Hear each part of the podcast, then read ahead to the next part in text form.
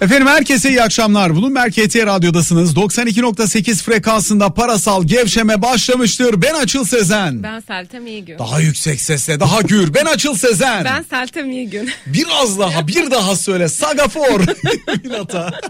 Benden bu kadar. Seltem Anlayan nasılsın? İyiyim teşekkürler Açıl sen nasılsın? Efendim Kofas ekonomisti sevgili Seltem İyigün bizlerle birlikte. Seltem hayat nasıl akıyor?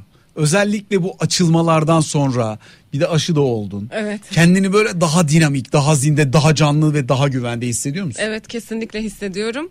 Ee, psikolojik mi bilmiyorum Ee, ama e, yani mutlaka tabii hani aşının e, koruyum, koruyuculuğunun da e, psikolojik olarak yaptığı bir etki vardır. E, ama Ya tabii böyle ki- alemden aleme akasın geliyor mu? yok öyle bir şeyim yok ama e, Koştura koştura, coştura coştura hayatın böyle tadını çıkara çıkara olmuyor mu öyle? Yani şöyle dışarıda olmanın tadını tabii ki çıkartıyorum. Ee, zaten dışarıda olmaktan hoşlanan, gerçi herkes mutlaka hoşlanıyordur ama e, dışarıda e, olmanın ve dışarıdayken virüs kapma ihtimalinin e, az olmasının tadını tabii ki çıkartıyorum. Ee, Daha yüksek sesle ve daha gür istiyorlar sesini. daha Mikrofonu biraz daha acaba? yaklaştırayım sana. Tamam peki. Tamam. Ya iki tane de mikrofonum Sesini var biraz daha yükselt. ama Evet. tamam. Yani Ee, normalde bir tartışmada e, ar- sesini değil argümanını yükseltmeni isteriz. Ama burada sesini Peki, yükseltmeni tamam, istiyoruz. Peki. Şimdi acaba daha iyi mi? Daha iyidir diye tahmin ediyorum. Buyurun. Ee, şöyle e, zaten e, bu full kapatma döneminde hepimiz aslında çok bunalmıştık. Dolayısıyla ondan sonraki kademeli e, açılmada bir miktar daha kendi özgürlüğümüzün tadını çıkartıyorduk ama e, aşıların gelmesiyle birlikte dışarı çıkarken o acaba virüs mü kapacağım işte sevdiklerime bir virüsü taşıyacak mıyım o korkuların azalmasıyla birlikte tabii ki dışarıda geçirdiğimiz zaman daha güzel geçiyor. E, artı 1 Temmuz'u da sabırsızlıkla bekliyorum diyebilirim. Niye ne var 1 Artık- Temmuz'da açılmadan Evet, dolayı mı diyorsun? evet, yani? tabii Tam ki. açılmadan. E, Tam şu anda seni bekliyorum. kısıtlayan ne? E, pazar günü hala kapalı değil Bir miyiz? tek pazar kapalı, Olsun cumartesi olmasın mesela. işte olmasın. Full fişek gezebileceğim bir Ama cuma 22 saatim 22 mi? saatin yok da işte 17 saatim var kabaca. Evet, evet doğru ama yine de şöyle e, hiç alışmadığımız bir şey sonuçta bu bizim. O yüzden o engellenme hissi e, insanlarda bence çok olumlu bir etki yapmıyor. Yani e, tamam bir buçuk senedir belki bu pozisyondayız ama yine de hani bir eski alışkanlıklarımıza geri dönme e, ne yapmayı özlüyorsun mesela? Ne yapmayı özlüyorum? Ee, örneğin spora gitmeyi. Kapalı alanda da olsa spora gitmeyi özlüyorum. Şu an atıyorsun ya. Ben seni Instagram'dan takip ediyorum. Tenis oynayıp duruyorsun sen ya. Kapalı mapalı dinlemeden. Evet o yüzden diyorum zaten kapalı. Doğruları söyle ya. Doğruları söylüyorum Ee? lütfen sayın dinleyicilerimiz. Kapalı alanda spor yapmayı özlediğimi zaten söyledim. Açık alanda yapıyorum çok şükür. Açık alanda sıkıntı yok.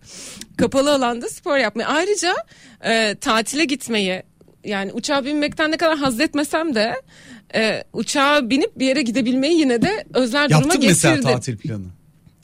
E, yapmıştım ama bilmiyorum gerçekleştirebilecek miyim? Çünkü aşı pasaportu gereken yerlere gitmek istiyorsun o yüzden. Evet öyle bir yer e, olmayan bir yer var mı? Yurt dışında Yok, galiba. Ha, değil mi? var da Evet. yani hani bize öyle şey yapmayan karantinasız gelebilirsiniz hoş geldiniz diyen yerler senin pek tercih edeceğin yerler olmayabilir şu an. Belki E, ama hani gitmek istediğim en azından e, ailecek program yaptığımız tatil programı yaptığımız yer e, ne yazık ki e, ikinci dozu da olmamızı istiyormuş. E, sanırım o nedenden dolayı gidemeyeceğim. Anlıyorum. Evet. Mesela bak Deniz diyor ki konser istiyorum hemen istiyorum. konser doğru. Mesela Kimin konser- konseri olsun isterdin? kimin konseri olsun isterdim. E, illa ünlü birinin mi olması tanıdık bilindik birinin ismini mi? Yok Çünkü şöyle istersen onu da bekleriz. Şöyle e, benim e, repertuar hocam Sezen e, aynı zamanda kendisi TRT sanatçısı. Ne güzel. Evet e, mesela e, TRT konserleri olsa ya da böyle Türk sanat müziği konserleri olsa ben isterim gitmek. Ama onun Var dışında- mıydı böyle bir konsept yani salgından dolayı gidemediğin böyle bir şey mi var? Ama şey oluyordu evet arada e, bu tarz konserler etkinlikler yapıyorlardı. Hı. Türk müziği çünkü o da bir kültürel miras ya. E, dolayısıyla e, bu tarz müzikler yapılıyordu. E, onun dışında normal kendi hani daha sık gittiğimiz pop konserleri de e, oluyordu. Pop konseri derken? İşte bu bildiğimiz daha Serdar Ortaç. Ben şu isim vermiyorum. Şimdi Ne, kim, kimi seviyorsun mesela popçulardan? Yani Serdar Ortaç'ın Seviyor musun gerçekten Serdar? Ya bazı parçaları fena değil niye canım bir yani? şey demedim canım hiç yardım Seviyor musun gerçekten deyince ben bir ima çıkarttım. Hani, hayır hayatım onu değil. Sen hani şey deyince böyle e, bunu Ben- biraz ben söylemekle şöyle- çekinince Serdar Ortaç ben Ha, hani gerçekten seviyor olabilirsin. Benim de Şöyle kulağıma güzel şeyler gelen vardır. her şeyi dinliyorum açıkçası. Hani öyle bir hani şunu dinliyorum bunu dinlemiyorum diyemiyorum. Çünkü Mesela pop Çok- konseri kimin pop konserine gitmek istersin? Popçulardan kimin konserine Ee, gitmek istersin? popçulardan kim olabilir? Tarkan'ı pop mu sayıyoruz? E tabii pop canım. Ee, mesela Tarkan, Popun popu. e, Tarkan konseri olabilirdi. Tarkan. Yani evet illa gitmek istediğim için değil de sen şimdi zorlayıp ağzımdan kesim almaya çalışın diye aklıma gelenleri söylüyorum. ne bileyim işte şu an düşünmem lazım başka kim olabilir kimin konseri. Ee, Sezen Aksu sanırım artık konser Vermiyor. vermiyor. Ee, onun- Ama olsa çok gidilir yani. Ben benim hayatta Evet. en unutamadığım konserler belki hani yerli Hmm. sanatçılar açısından belki ilk beşinden bir tanesidir diyebilirim ama gençlik dönemi konserleri tabii yani Hmm. müthiş konserlerine gittim ben Sezen Aksu'nun. E, Mesela Türksel için Türksel'in Kardelenler projesi için vermiş olduğu bir konser vardı. Ben hiç unutmam onu. Ben gazeteci olarak gitmiştim izlemeye. Muazzamdı. Ses o zaman hala çok kuvvetliydi. E, zaman içinde tabii sanatçıların boğazı e, ve sesi aşınabiliyor. Olabiliyor böyle şeyler. Biraz da ondan dolayı zaten Sezen Aksu şu an itibariyle canlı performans vermeyi çok tercih etmiyor. Hepimizin çok büyük kaybı. Muhteşem bir sanatçı çünkü. İnanılmaz bir yaratıcılık. Müthiş yani. Evet. MFÖ mesela. Sever evet, misin? Doğru. Evet o da olabilir. Severim tabii birçok parçasını severim. Nilüfer'i severim. Çok Nilüfer'in de sesi çok güzel. Mesela e, Nilüfer'in sesi sanki e, eskiye nazaran hep aynı kaldı Tabii gibi. tabii. Onun Evet, gırtlağı aha. aynı kaldı, benzer kaldı. E, Valla aklıma ilk Erol Evgin. o da çok önemli bir değer olmakla birlikte hani ben konserine hiç gitmedim Erol Evgin'in. Öyle mi? Ama yani Erol konserleri Evgin muhtemelen çok zengin şeyde geçiyordur. çok uzun yıllar orada çıktı. E, Plaza Otel'in rufunda ve benim izlediğim en güzel şovlardan biriydi. Geçmişe dönük anekdotlarla, hayatındaki deneyimleriyle, diğer geçmişteki ünlülerle yaşadıklarıyla falan anlattığı anılarla muhteşem bir programdı. 3 saate yakın sürüyor idi. Ve bence hani yaşarken görülesi insanlardan Evet, biridir doğru. Erol Evgin. Yani Aa, bak şimdi aklıma geldi. Ee, Muazzez Abacı konserleri oluyordu açık havada. Yanlış mı hatırlıyorum? Muazzez ya da Emel. Sayın'ın da da oluyordu, galiba oluyordu tabii. değil mi? Doğru. Ee, öyle aklıma geldi söyleyeyim dedim. Hani yapılıyor mu demiştin ya. ya konser çok özledik hakikaten evet yani ya. böyle iyi bir Dışarıda konser. aktiviteyi çok özledik aslında. Bu arada yabancı konserleri de özledik yani mesela şimdi bir mesela böyle bir YouTube falan gelse yıkılmaz mı ortalık yani? E, tabii evet. Yani her e, her türlü. Peki yabancılardan kimin konseri olsun istersin? Yabancılardan Ee, yani benim parçalarını severek dinlediğim kim var? Ee, sen söyle şu anda aklıma Ben gelmedi. mesela Depeche Mode gelse çok isterim. Ha. YouTube gelse çok isterim. Ondan sonra e, hani böyle benim için Metallica falan gelse çok isterim. Bunlar ben biraz rock şeyci olduğum Evet sen daha böyle- çok evet onu seviyorsun. Öyle, Baban klasikçi ama sen rock seviyorsun. Yo babamın e, repertuarı geniştir. Türk sanat musikisi de söyler. E, O konuda de Frank Sinatra, hayır Ha. değil sadece. O mesela Frank Sinatra, Engelbert Humperdinck, ondan sonra Tom Jones. Tom Jones'a sesinin rengi de biraz benzer. O yüzden mesela Tom Jones şarkılarını da çok iyi söyler. Biz böyle iki uç arasında hatta babamların geçmişte Tuna Ötener'le Türkiye'nin en iyi piyanistlerinden biriydi Tuna abi. E, Tuna Ötener'le birlikte yaptıkları Cazdan Hicaz'a diye bir program vardı. Ankara'da Panorama Restoran'da. E, cazla başlarlardı.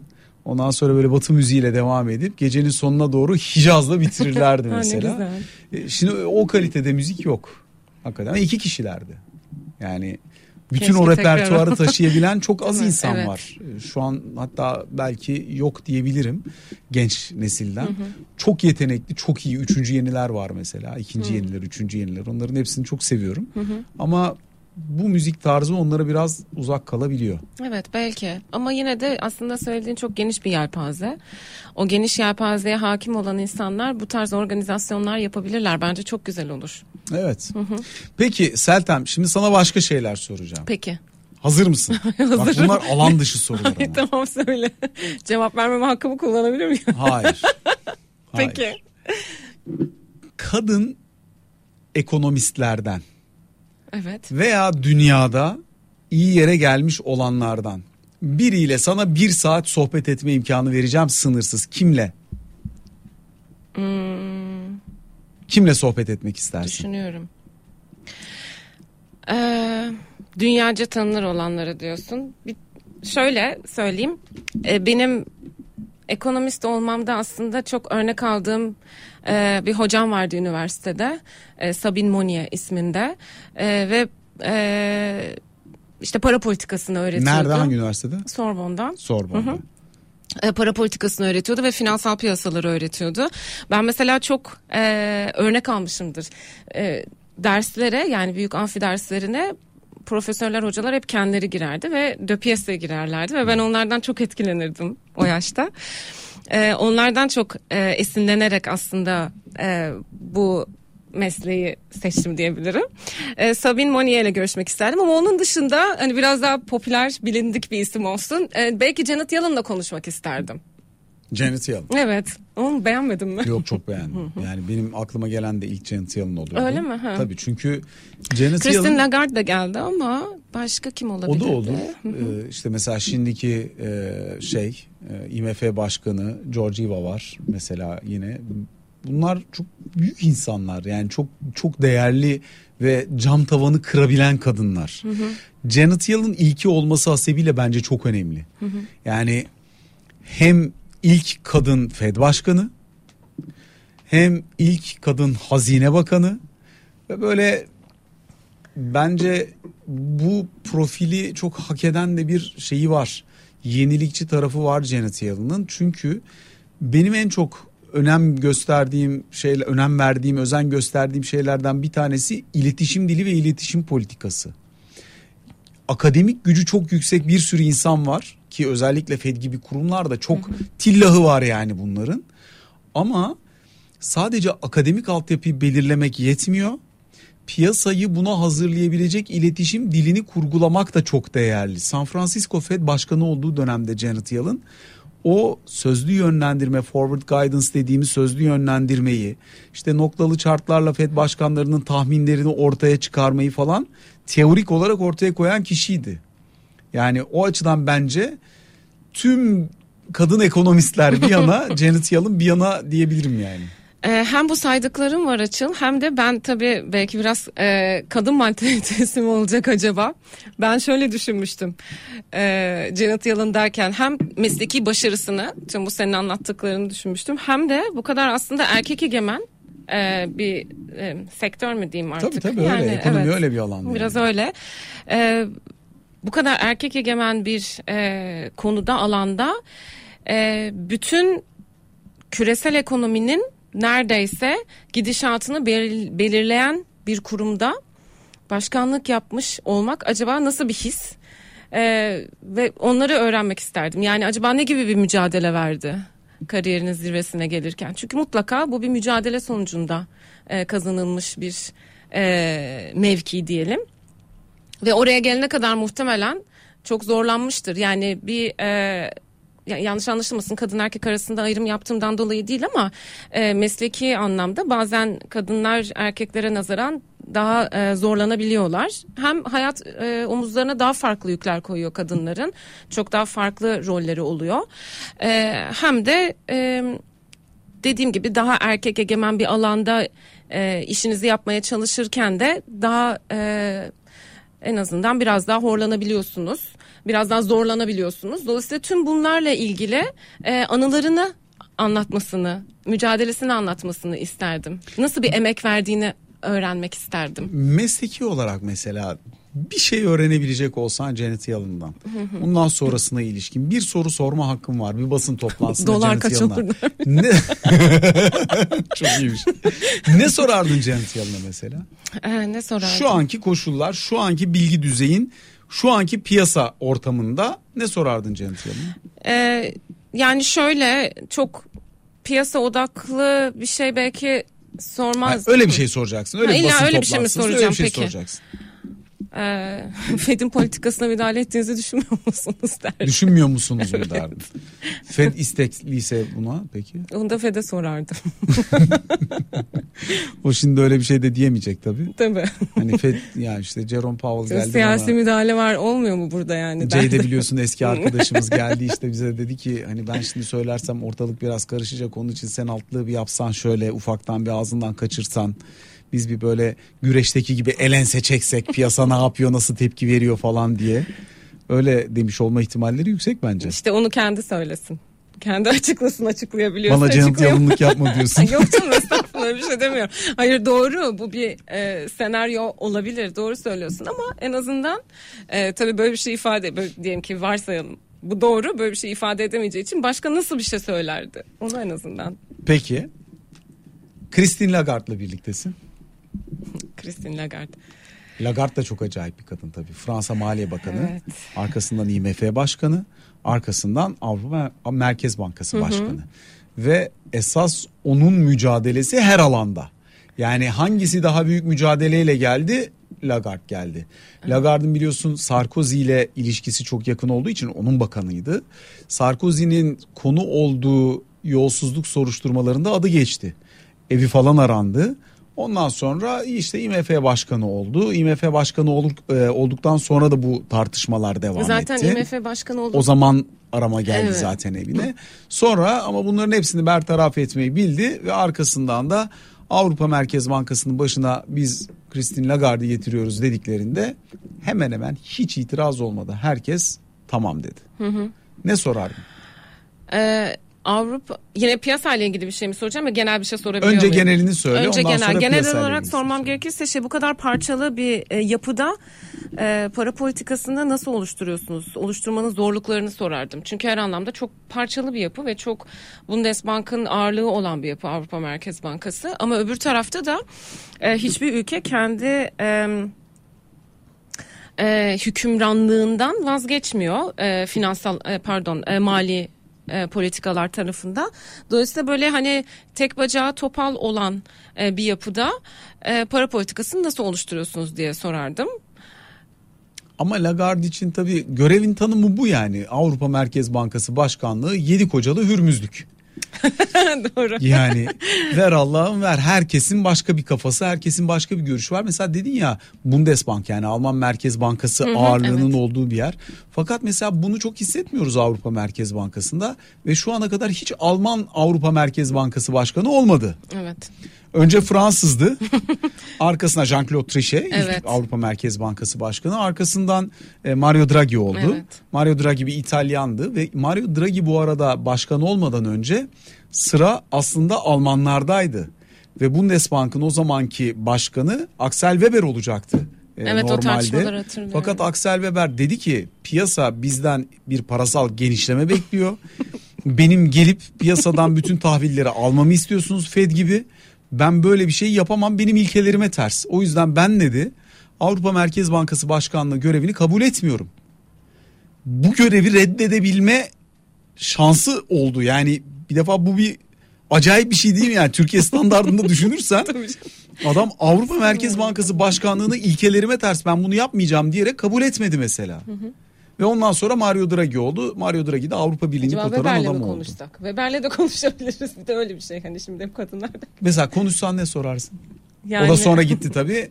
Ee, Büyük İsviçre bankalarından bir tanesinin e, yönetim kurulu başkanı oldu. Evet onu mesela şey e, ilkeleri karşısında Kredi Suisse'in başındaydı değil mi? Kredi Suisse'in başındaydı. evet. ilkeleri karşısında böyle önemli bir pozisyonu e, reddetmenin kendisinde yarattığı e, hissiyatı sorardım. Biraz daha konuyu açmasını isterdim. E, tam olarak neden e, reddetti? Reddettikten sonra acaba pişmanlık duydu mu? Ya da daha sonra Avrupa Merkez Bankası'nın izlediği politikalarda e, iyi ki ben başa gelmemişim ben diye olsam, düşündü mü? Evet bunu böyle yapmazdım. Varlık alımlarını daha az yapardım. Dolayısıyla daha az e, hareket alanı tanırdım para politikasına diye düşünür müydü? E, bunları sorardım. Bir de şey e, herhangi birinde şunu da sorardım herhalde. E, hani çok piyasa bazlı bir şey değil bu ama biraz daha stratejik e, bir şey. Ee, mesela önümüzdeki bir 10 yıl içinde e, dünyanın ağırlık merkezinin ne tarafa doğru gitmesini düşündüklerini sorardım ve ona ilişkin hangi politikaları şu anda oluşturmaya başladıklarını sorardım. Hadi ben sana sormuş olayım. Sence dünyanın ağırlık merkezi nereye doğru kayıyor? Çünkü çok net bir şekilde mal doğuya kayıyordu. Evet. Yani Çin'e doğru kayıyordu. Zaten Batı'nın müesses nizamı biraz bunu gördüğü için Trump gibi bir figür öne çıktı. Ondan sonra o yüzden ticaret savaşı öne çıktı. Şimdi bir Atlantik Paktı çerçevesinde Amerika, İngiltere, Avrupa bloku yeknesak bir halde Çin'e ve belli ölçüde de onu e, biraz daha uzaktan takip eden bir Rusya'ya karşı bir duruş sergilemeye başladı. Ee, şöyle düşünüyorum ben aslında e, değişik bir döneme tanıklık ediyormuşuz gibi geliyor. Sesim geliyor mu? Geliyor geliyor. Ee, değişik bir döneme tanıklık ediyormuşuz gibi geliyor. Ee, çünkü bugüne kadar yani İkinci Dünya Savaşı'ndan sonra Amerika tek hegemon güç oldu dünyada. Ee, ve aslında bu tek hegemon gücün e, yavaş yavaş e, gücünü bölgesel oluşumlara devrettiği bir süreci gözlemliyoruz. Bu iyi bir şey mi kötü bir şey mi bilmiyorum çünkü çok karışıklık var dünyanın her yerinde ve bizim bireysel hayatlarımıza kadar sirayet ediyor bu. Ama böyle bir döneme denk geldik. Ee, ben şöyle olduğunu düşünüyorum.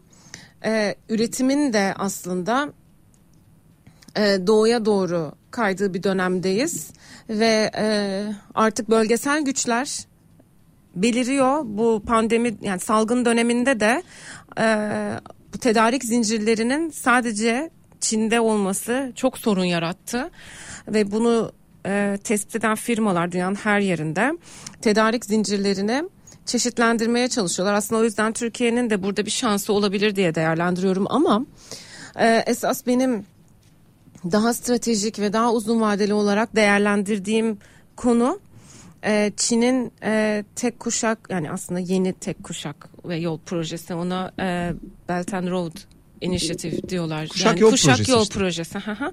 E, yeni İpek yolu projesi diyorlar Evet. galiba, değil mi? Ha, yeni İpek yolu. Dolayısıyla sanki e, mevcut karışıklıklar e, yani bu bu proje e, daha e, daha dostane, daha ticari ilişkilerle ve e, daha üretim odaklı, ekonomi odaklı ilerleyen ve sanki biraz daha kalkınmayı önceleyen bir proje gibi geliyor bana. E, ne kadar başarılı olup olmayacağını bilmiyoruz ama sanırım o e, senin bahsettiğin Batı'nın risk algısı da orada başlıyor. Çünkü burada bir güç paylaşımı söz konusu. Bu güç paylaşımının nasıl sonuçlanacağını hiçbirimiz bilmiyoruz ama e, en azından şu anki aşamasında e, bölgesel güçlerin ortaya çıktığını görüyoruz. Yani bu bizim ülkemiz açısından da aslında bir fırsat. Peki o zaman sanıyorum. sana çok ileri bir soru sorayım mı? yanıtlayabilirsem tabii. Ama bu biraz jeopolitik, biraz jeostratejik, biraz da geçmişten kalan siyaset içerikli bir soru. Türkiye siyaseti değil bu söylemeye çalıştığım ama e, özellikle Soğuk Savaş zamanı Sovyetler Birliği ve Amerika Birleşik Devletleri yine belli ölçüde tabii Atlantik Paktı, NATO Paktı. Bunların aralarında çok büyük mücadelenin olduğu dönemler Türkiye için hem çok büyük çalkantıların ve sallantıların hem ama aynı zamanda ciddi bir stratejik önemin ön planda olduğu dönemlerdi. Yani Türkiye Batı İttifakı arasında yer aldığı için dönem dönem finansal olarak, dönem dönem askeri olarak, dönem dönem jeopolitik olarak Batı İttifakı'nın desteğini çok doğrudan hissetti, kullandı ve belki stratejik önem açısından da Türkiye tarih boyunca hiç olmadığı kadar yani kendi emperyal sistemimizi kurduğumuz dönem haricinde söylüyorum bunu. Hiç olmadığı kadar güçlü bir dönem geçirdi. Soğuk Savaş sonrası başka bir dünya. Şimdi bir kez daha böyle bir dünya ile karşı karşıyayız. Sence Türkiye'nin şu anki yeri, ekonomik durumu ve yaklaşımı Çin Rusya paktıyla ki İran'ı şimdi biraz daha buradan koparmaya çalışıyor Batı İttifakı. Bu ikisi arasındaki tartışmada veya yaşanabilecek gelecek belki 15 20 30 yıllık süreç içerisinde daha önceki kadar stratejik midir ya da stratejik hale gelebilir mi? Nasıl Ben mükemmel. Çok güzel toparladım. Huni gibi. Açıktan aldın. Böyle bir noktada bıraktın. Biraz daha devam etsem Muni'yi ters geçirecektim. Ee, şöyle ben Türkiye'nin yerinin e, her anlamda çok stratejik olduğunu düşünüyorum. Şöyle ki e, Şimdi evet aslında sorunun iç kendi içinde jeopolitik de var. Ee, bu Doğu Akdeniz'de yaşananlar ya da e, Türkiye'nin kendi enerji bağımsızlığını elde etme çabaları tüm bunlar aslında e, Türkiye'nin kendi ulusal çıkarlarını maksimize etmek için e, attığı adımlar. Türkiye burada e, daha aslında e, bağımsız bir e, ekonomi politikası ve dış politika aslında izlemeye çalışıyor gibi geliyor bana. Ama tabii şu anda bunu çok net göremiyor olabiliriz ekonomik anlamda ama özellikle savunma sanayinde yapılan e, atılımlar ve e, yapılan enerji işte bu doğalgaz arama çalışmaları e, sanırım önümüzdeki bir 10 yılı ya da senin dediğin gibi 15 yıla bir planlama çabası. E, ben Türkiye'nin her dönem yani dünya jeopolitiği nereye evrilirse evrilsin e, Türkiye'nin çok önemli bir ülke olduğunu düşünüyorum. Çünkü Türkiye sadece e, bizim kendi topraklarımız değil ama bizim bölgesel olarak da bir güç olduğumuz gerçeğiyle birlikte değerlendirilmeli ve bir etki alanımız, bir nüfuz alanımızın e, olduğu gerçeğiyle beraber değerlendirmeli diye ben değerlendirilmeli diye düşünüyorum.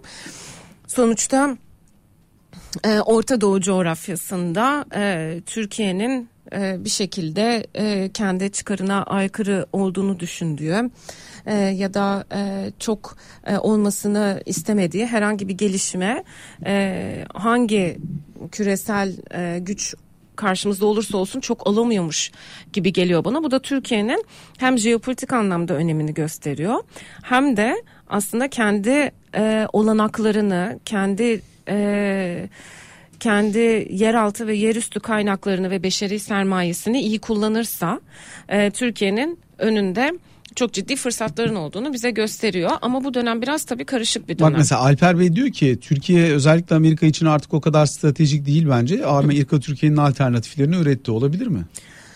Ha, tabii, Ve tabii biraz soğuk savaş giriyoruz so, ama. So, soğuk savaş bizim içinde bulunduğumuz coğrafyayı çok doğrudan etkileyen ve içinde Hı-hı. bulunduğumuz coğrafyada oluşan tabii. bir ortamdı. Çin Hı-hı. tabii bize daha uzak. Tabii tabii. ee, soruya yanıt vermek gerekirse e, olabilir. Yani e, zaten eskiden e, farklı bir isim kullanıyorlardı. Daha sonradan stratejik ortağa e, döndü yanlış hatırlamıyorsam Amerika ile Türkiye ilişkileri. Yok zaten fazla... stratejik ortaklıktan yani yakın müttefiklikten işte stratejik ortaklığa geçildi. Evet evet öyle bir şey vardı. E, şöyle e, Şimdi Uluslararası... stratejik ortaklıktan yine müttefik konumundayız. Hani maslahat güzel düzeyinde diyelim ilişkiler Şöyle anlamında. aslında iki ülkenin de kendi ulusal çıkarlarını... Diplomatik olarak söylemedim yanlış anlaşılmasın da ilişki düzeyi olarak diyorum. Hı hı. Hani bir büyükelçi düzeyi sıcak ilişki bir maslahat güzel düzeyi biraz daha mesafeli ilişki. Şimdi sanki biraz daha e, hani ilişki düzeyimiz Amerika ile olan ilişki düzeyimiz biraz daha düşük tondan gidiyor. O anlamda söyledim. Teknik olarak değil yani. Ben şöyle düşünüyorum. Türkiye'nin kendi ulusal çıkarlarını yapmayı gerektiriyorsa Türkiye için onun yapılmasının doğru olduğunu düşünüyorum. Ee, ama tabii ki dış politikada hariciyecilerin hep söylediği bir şey vardır. Yani dış politika da e, sürekli düşman ya da sürekli dost olmaz. E, her şey e, ulusal çıkarlara göre şekillenir. Dolayısıyla bu minvalde ben Türkiye'nin başka ülkelerle olan e, ilişkilerinin dönem dönem e, sıcak, dönem dönem mesafeli olmasını açıkçası doğal karşılıyorum. E, sonuçta e, ülkelerin kendi e, hükümetlerinin ve kendi devlet politikalarının e, gidişatı neyi gerektiriyorsa herhangi bir dönemde kendi ulusal çıkarlarını maksimize edebilmek için e, devletler, hükümetler ona göre politikalar üretiyor. Dolayısıyla dönem dönem yakınlaşmalar, dönem dönem uzaklaşmalar olabilir diye ben değerlendiriyorum. Biraz politikaya mı girdik? Diyorlar ki, yo olabilir. ee, diyorlar ki Nizamettin Bey diyor, e, Açıl Bey bir şey soracağım dediğinde Seltem Hanım'ın nabzı 200'e çıkıyor diyor. Öyle mi oluyorsun? Yok hiç öyle olmuyor. Dinliyorum Yok sen. be Seltem benim bunca yıllık arkadaşım hiç öyle bir şeyleri yok yani. Bakayım şimdi. Türkiye'nin çok önemli olduğunu sürekli düşünmemiz bir narsizm ya da bir sanrı olabilir mi? Sandığımız kadar önemli olmayabilir miyiz diye sormuş Bilal. Eğer başıma bir şey gelmeyecekse diye de eklemiş. Ya bu coğrafya Anadolu bir defa ülkelerden bağımsız olarak bile çok değerli bir coğrafya. Türkiye hem tarihte oynadığı rol hem kökeni açısından bakarsak çok mühim bir yer. Yani Hani bizim böyle kendimizi önemsememiz değil gerçekten çok önemli bir yer. Tabii tarihin başlangıç noktası gibi. Yani, yani bu yeni yapılan medeniyet medeniyetlerin evet, çıkış yeri burası. Tabii. Yani o yüzden çok değerli bir coğrafya burası. Türkiye'de çok önemli bir ülke. Ama bu önemi daha belirgin hale getirebilecek şeyler var. Bunları yapamıyor olabiliriz belki. Yani Türkiye'nin bugün bulunduğu coğrafya ve geçmişiyle kıyaslandığında ekono, dünya ekonomisinden aldığı pay, dünya ticaretinden aldığı pay, dünya içerisindeki katma değerli ürün ve üretimden aldığı pay. Bunlar çok geliştirilmesi gereken yerler. Tabii faktör verimliliği. Örneğin. Esas bizim problemlerimiz evet, buralar yani. Yoksa bu bizim önemsiz olduğumuz anlamına gelmez. Daha önemli bir ülke daha önemli bir ekonomik aktör olabiliriz. Ülke olarak zaten çok değerliyiz. Evet. Ama daha önemli bir ekonomik aktör olabiliriz herhalde. Ee, narsist olduğumuzu ben hiç düşünmüyorum. Narsizme karşı çok alerjik bir insan olarak. hiç e, narsist olduğumuzu açıkçası düşünmüyorum. Çünkü şöyle bir mantalite gütmüyorum bunu yaparken. Biz dünyanın hani boş arkasında aslında bir özgüvensizlik olan biz dünyanın en önemli ülkelerinden bir tanesiyiz. Biz olmazsak dünya Mesnetsiz yıkılır. Mesnetsiz değil yani. Aynen aynen böyle bir temeli olmayan e, herhangi bir tarihi, jeopolitik, ekonomik e, temele dayanmayan e, sadece işte önemsiz yani e, küçücük bir ülke olup da e, biz dünyanın en önemli ülkesiyiz demiyorum. Ama işte demin Açıl'ın da saydığı e, aslında burada konunun uzmanları da olsa daha da derinleştirebileceğimiz tarihi e, geçmişi e, çok e, derin olan e, kendi devlet kurma geleneği olan, kendi edebiyatı olan, kendi kültürel mirası olan ee, ve e, jeopolitik gelişmelerde de her daim bölgesel bir güç olarak kendinden daha büyük güçler tarafından stratejilerine dahil edilmiş bir ülke Türkiye. Dolayısıyla demek ki biz önemli bir ülkeyiz. Ee, öte taraftan ben Açıl'ın dediğine katılıyorum. Şimdi büyük bir ülkeyiz ama tabii ki insanlar bunun etkilerini ekonomik olarak da hissetmek istiyorlar. Çok da haklılar. Ee, burada biraz e, Türkiye ekonomisinin aslında e, hem yabancı finansman bağımlılığından kurtulma ihtiyacı hem de e, işte aramalı ham madde bağımlılığından kurtulma ihtiyacı e, ortaya çıkıyor. Bir de tabii e, şu da var son dönemlerde yani 2015 sonrasında bizim büyüme miz biraz daha oynak oldu. Yani yurt dışından yurt içine sermaye girdiği sürece biz büyüyebilen bir ekonomi olduk. Ee, esas çare bulunması gereken konular aslında buralar. O dediğine çok katılıyorum. Yani biz e, faktör verimliliğini artırabilirsek. E, şimdi e, 2000'lerden sonra hatta belki daha öncesinden Faktör verimliliği ne demek zaten? Şöyle e, katma yarattığımız katma değerin yani kişi başına aslında diyelim ki üretimimizin e, istikrarlı bir şekilde artabiliyor olması e, ve aslında şu da önemli. E, yani yatırımlardan azade yaratabildiğimiz kişi başına katma değer evet, doğru mu? aynı zamanda yaratabildiğimiz katma değer ölçüsünde de milli gelirden bir pay alabilmemiz. Esas refah seviyemizi artıracak şey o bizim. Ee, sadece enflasyon kadar hani aslında hep öyle düşünürüz ya enflasyon kadar maaşına zam alanlar aslında büyümenin de ona katılması eklenmesi gerekiyor ki beşeri sermaye olarak e, beşeri sermaye olarak yarattığımız katma değerden pay alabilelim. E, şimdi şöyle e, bizim hmm, sanayileşme atağımızla birlikte e, tarım e, istihdamımızın önemli bir kısmı aslında e, hizmetler sektörüne geçti. E, bu iyi bir şey gibi görünmesine karşın hizmetler sektörü e, içinden geçtiğimiz bu salgın döneminde de özellikle geçen sene biz bunu çok rahat tespit ettik. Hizmetler sektörü krizlerde e, çok e, ciddi hasar alabilen ve e, istihdamı da kolay azaltabilen bir sektör ama aynı şeyi sanayi için söyleyemiyoruz. E, dolayısıyla önümüzdeki dönemde Bizim eğer biz hizmetler sektöründe yani hem milli gelirimizin hem istihdamımızın %60'ı bu sektörden e, kalacaksa buradan gelecekse o zaman bundan sonraki e, küresel ekonominin e, yöneldiği e, fırsatları geri tepmememiz lazım. Yani şu anda biz neyi görüyoruz? Mesela e, biyokimyanın çok önemli olduğunu görüyoruz. Dijitalleşmenin çok önemli olduğunu görüyoruz. Ee, mikro e, araştırmaların, mikrobiyolojinin çok önemli olduğunu görüyoruz. Evet de Seltem sen şimdi bunların hepsinin çok önemli olduğunu söylüyorsun görüyoruz da ama bunlar hadi artık önem verelim şimdi artık buraya yüklenelim dediğin anda olan şeyler değil tabii, ki. Tabii zaten yani sen söylüyorum. şimdi bununla ilgili insan kaynağı e, edinmek zorundasın. Lazım, evet. Yani şimdi sen bugün burada bu çocukları alıp gençleri alıp bu alanlarda yetiştirmek istesen birincisi bu alanlarda bunlara o eğitimi verecek hocam var mı? Onlar da yok ki. Yani hocalarının mesela akademik bilgisi ve yeterlilikleri pratikle örtüşüp birleşip bu alanda çalışmış deneyim sahibi olmuş insanların bir bilgilerini süzdüğün kovan değil ki böyle olmuyor. Yani sen bugün bunlara önem vermeye başlayayım desen nüveleri ve filizlenmesi daha sonrasında bunun hayata geçmesi 25-30 sene. Hı hı. Ve Türkiye'de siyaset o kadar günlük, hesaplar o kadar seçim dönemlik ki ve toplum o kadar polarize olmuş birbirinden o kadar uzaklaşmış ki sen uzun vadeli plan falan yapamıyorsun. Ne siyasetçisi yapabilir Türkiye'de bundan sonra kolay kolay uzun vadeli plan ne insanlar bu kısa vadecilikten çok kolay kolay kurtulabilir. O yüzden biz hani ben hep onu söylemeye çalışıyorum. Siyaset veya siyasetçi aklından kurtulup devlet aklıyla insanların biraz daha ileriyi kazanabilecekleri veya planlayabilecekleri bir ortamla refaha ulaşma şansına sahibiz. Yoksa bugün bir siyasetçi böyle der, yarın bir başkası gelir öyle der. Savrulup durmaya devam ederiz biz. Ben bu dediğine çok katılıyorum. Hani biraz daha sen ilk e, resmi çizerken biraz daha orta ve uzun vadeli Tabii, çizdin anladım, diye ben söyledim ama ideali yani evet senin dediğin gibi Türkiye şartlarında ne kadar olur onu bilemiyorum ama e, olmadığı sürece Olmazsa ne olur onu Olmazsa bugünkü gibi olur bundan daha kötü olur. Evet daha kötü yani dönem dönem iyi olur dönem dönem kötü olur. Biz yine büyümede çok oynaklık görmeye devam ederiz. Yabancı sermaye buraya geldiği zaman büyürüz. Ee, Artamayan kurulur. katma değer düşüyor o açıdan söylüyorum ben. Ee, Tabii ama Çünkü işte, dünya başka bir yere gidiyor ya senin katma değerin gene düşük kalıyor. Evet yani ancak işte e, bunu e, ucundan köşesinden belki yine yakalayıp e, bir yere gelebiliriz ama şöyle de bir şey var.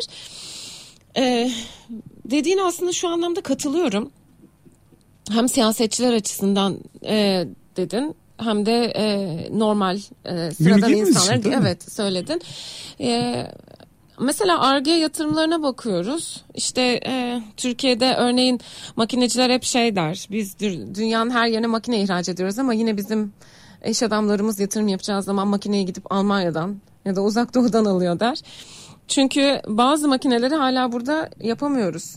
Ee, onları da yurt dışından ithal etmek zorunda kalıyoruz ve çok ciddi paralar ödeyerek ithal ediyoruz. Çünkü e, yurt dışında da örneğin mesela ARGE yatırımı mantalitesi henüz tam olarak oluşmuş değil. Yani ARGE yatırımı tam ben buraya bir yatırım yapıyorum ya da işte para harcıyorum.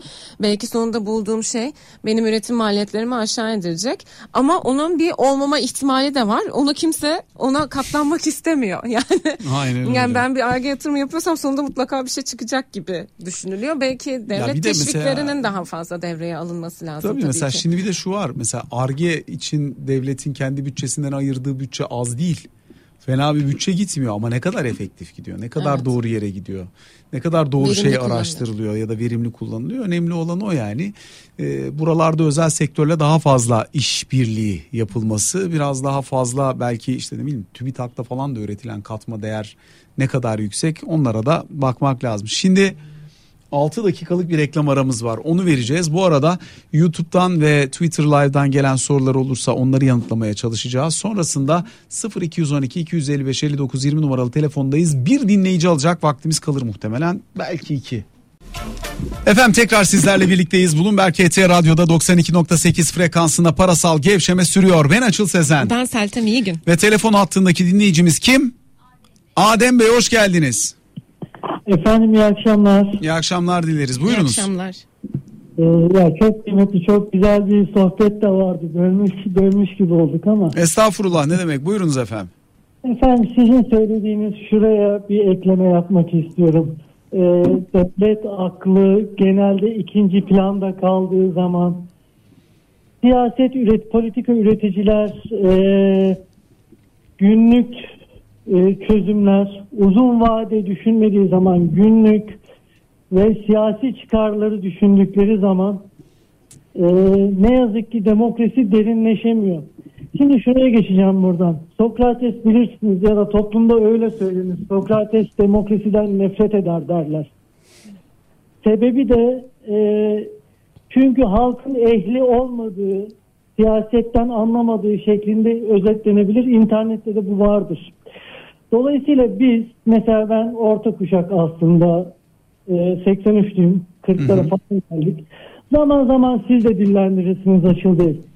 Bu ülkede bir nesil e, müreffeh, refah seviyesine ulaşamadan hayatını sonlandırıp gidecek. Muhtemelen ben de bunlardan bir tanesiyim. Bunun da sebebi Türkiye'de topal bir demokrasi olmasının sebebi. Burada şunu söyle istiyorum. Ya acaba ya Türkiye'ye ya bu halk bu sosyolojik renk varken sanıyorum ki demokrasi bize çok uygun değil.